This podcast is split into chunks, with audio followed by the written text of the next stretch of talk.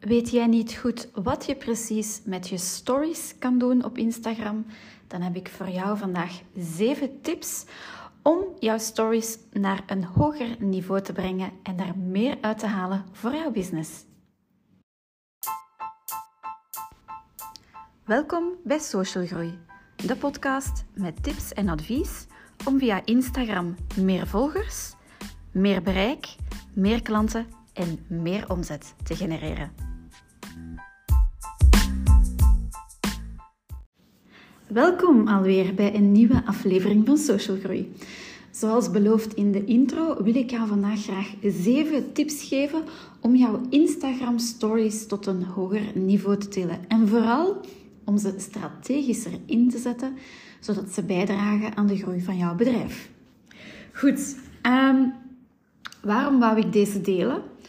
Omdat ik gisterenavond door de lijst van mijn volgers ging en sommige onder hen posten ook af en toe een story. En dan ga ik al eens piepen wat daar allemaal online verschijnt. En er vielen mij een heel aantal dingen op dat ik dacht: oh boy, dat kan een stuk beter. Vandaar dat ik deze ook vervat heb in mijn zeven tips. Dus ik hoop dat je hier iets aan hebt. Oké, ik ga er meteen aan beginnen. Eerst en vooral is het ehm, leuk en interessant voor jouw volgers dat je ook een stukje van jouw persoonlijk leven laat zien. Dat het niet puur om de business gaat, want ze willen natuurlijk ook graag de persoon achter het bedrijf leren kennen. En ik geef deze side note er ook altijd even mee, omdat het wel belangrijk is. Ik spreek hier over kleine ondernemingen waar één persoon in werkt of een klein team. Ik spreek hier niet over multinationals, dat is iets helemaal anders. Dat is een totaal andere benadering. Die hebben ook helemaal andere budgetten en andere doelen. Maar goed, dat is zeker oké als je dat laat doen en je mag uiteraard zelf kiezen wat je laat zien. Wil jij jouw volgers iets laten zien over de sport die jij beoefent, over jouw kookkunsten, over jouw gezin, over jouw verbouwproject, whatever, maakt niet uit, dat is oké. En een bepaald percentage van de tijd mag dat ook compleet losstaande info zijn. Maar het slimste is natuurlijk wel als je de info die je deelt, ook al is het persoonlijk en niet rechtstreeks aan jouw business verbonden, dat je wel een linkje maakt met jouw business. Dat je als het ware een verhaal vertelt over waarom je bepaalde dingen deelt. Dat je een haakje zoekt om daarop in te pikken. Als jij bijvoorbeeld een huis hebt gekocht en dat aan het verbouwen bent, dan kan je daarin vertellen over hoe dat je bepaalde dingen die je geleerd hebt in jouw bedrijf of die je op een bepaalde manier toepast met jouw klanten, hoe je dat ook gebruikt hebt in jouw verbouwproces. Om maar een idee te geven van hoe je dat kan doen.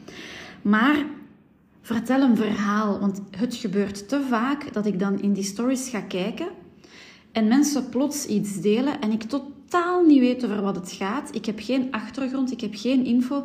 Dus ik begin plots iets te vertellen en er is gewoon geen intro. Ik val in het midden van het verhaal en ik kan gewoon niet volgen en dan haken mensen af. Dus zorg voor een logische opbouw. Denk aan ehm, als iemand aan jou zou vragen, is misschien heel onnozel, maar ik denk nu gewoon aan Valentijn dat eraan komt. Stel dat je een partner hebt en iemand zou vragen, hoe hebben jullie elkaar leren kennen? Dan begin je ook een heel verhaal te vertellen van hoe dat tot stand gekomen is dat jullie elkaar hebben leren kennen.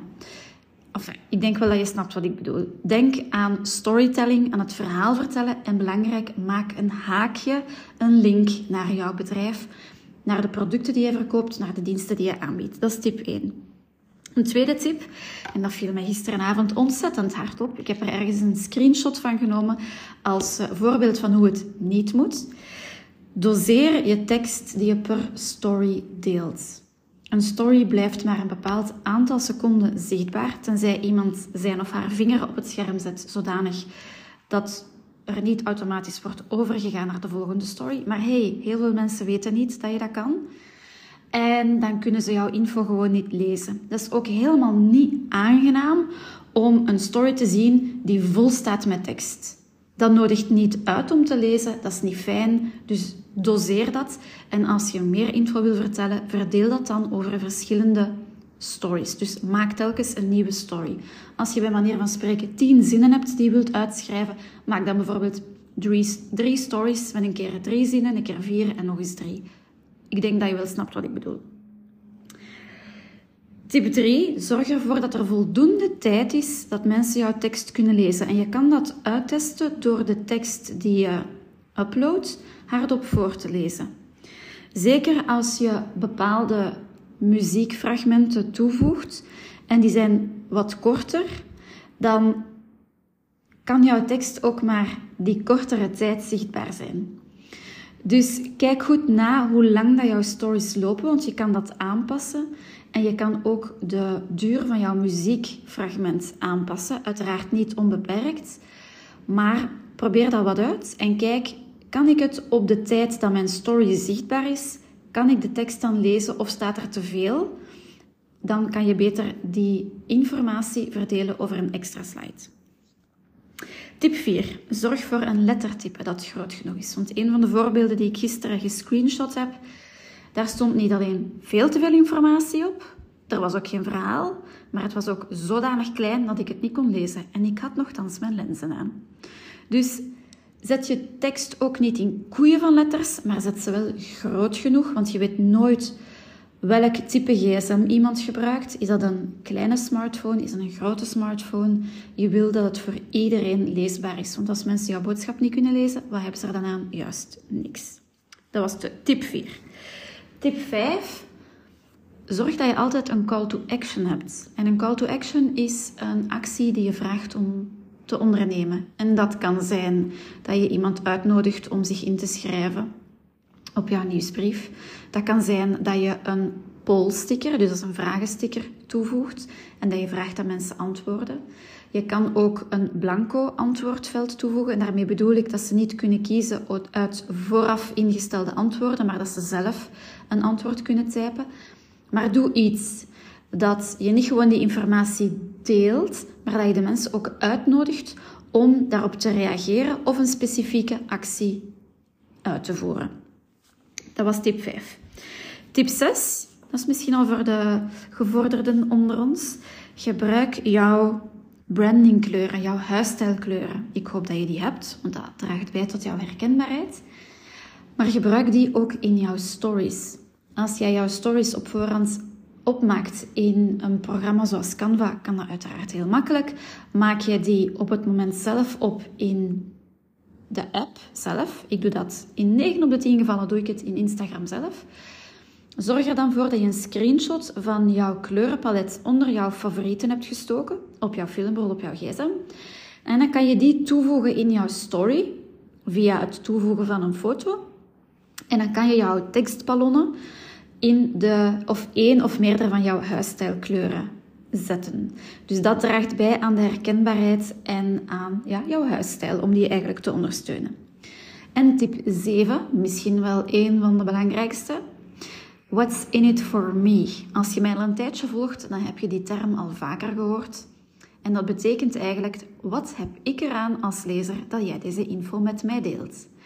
Dus begin in jouw verhaal niet te vertellen over ikke, ikke, ikke en ik wil dit vertellen. Nee, daar heb je persoonlijke pagina's voor. Dit is een zakelijke pagina. Nogmaals, een klein percentage van de tijd. Laat ons zeggen, maximum 10% van de tijd kan je dingen delen die niks met jouw business te maken hebben. Maar probeer dat echt te limiteren tot een minimum. Want mensen zijn er om jou en jouw zaak te leren kennen, maar niet jou persoonlijk. Dus denk even na, de info die je deelt, hoe is dit relevant of interessant voor mijn volger?